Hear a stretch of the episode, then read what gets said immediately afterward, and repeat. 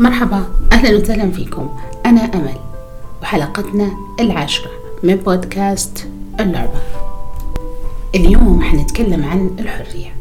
الحرية مفهوم واسع وممتد وفي اعتقادي أنها أساس كل جانب من جوانب حياتك وبوابة الحياة الكريمة. علشان يكون عندك حياة كريمة لازم تكون حر. والحرية عكس العبودية. يعني ما تكون عبد لفكرة أو شعور أو موضوع أو إحساس أو جماعة أو حزب أو منظمة أو أي تصنيف من تصنيفات الحياة. وعلشان نكون واضحين حنصطلح على معنى بسيط للعبودية وهو إنك تاخذ الأمور على ظاهرها وكأنها مسلمة بدون أي نقاش أو حتى تفكير وخصوصا إذا كان هذا الأمر مضر.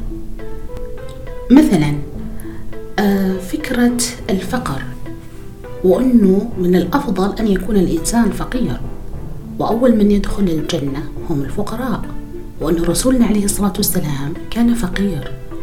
مع أن الله سبحانه وتعالى أبدا ما قال كن فقيرا ولكن قال الشيطان يعدكم الفقر أو شعور أنه أنا من هذه الجنسية من هذه القبيلة من هذا المذهب من هذا المكان. أو موضوع إذا ما كنت معي إذا أنت ضدي. هنا أنواع المحدودية وضيق الأفق. سؤال مهم. ليه بعض الناس تحب تحصر نفسها في جزئية معينة وزاوية محدودة وتترك سعة الله؟ الحرية من السعة التي أعطانا الله إياها لنوسع بها على أنفسنا وعلى الآخرين لنقبل ونتقبل اختلاف الآخر عنا لنمنح أنفسنا وغيرنا حرية القرار والاختيار. تذكر أن الحرية مسؤولية. كلما زادت حريتك زادت مسؤوليتك. وكلما قلت مسؤوليتك قلت حريتك. لما تكون مسؤول عن حياتك وكيفيتها ومدى جودتها إذا أنت حر. ولما يكون أحد آخر مسؤول عن أكلك وشربك ومصروفك وتلبية احتياجاتك.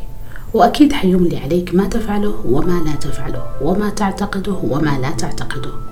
إذا أنت غير حر. زادني الله وإياكم سعة وحرية بأيسر الطرق وأفضل الاحتمالات.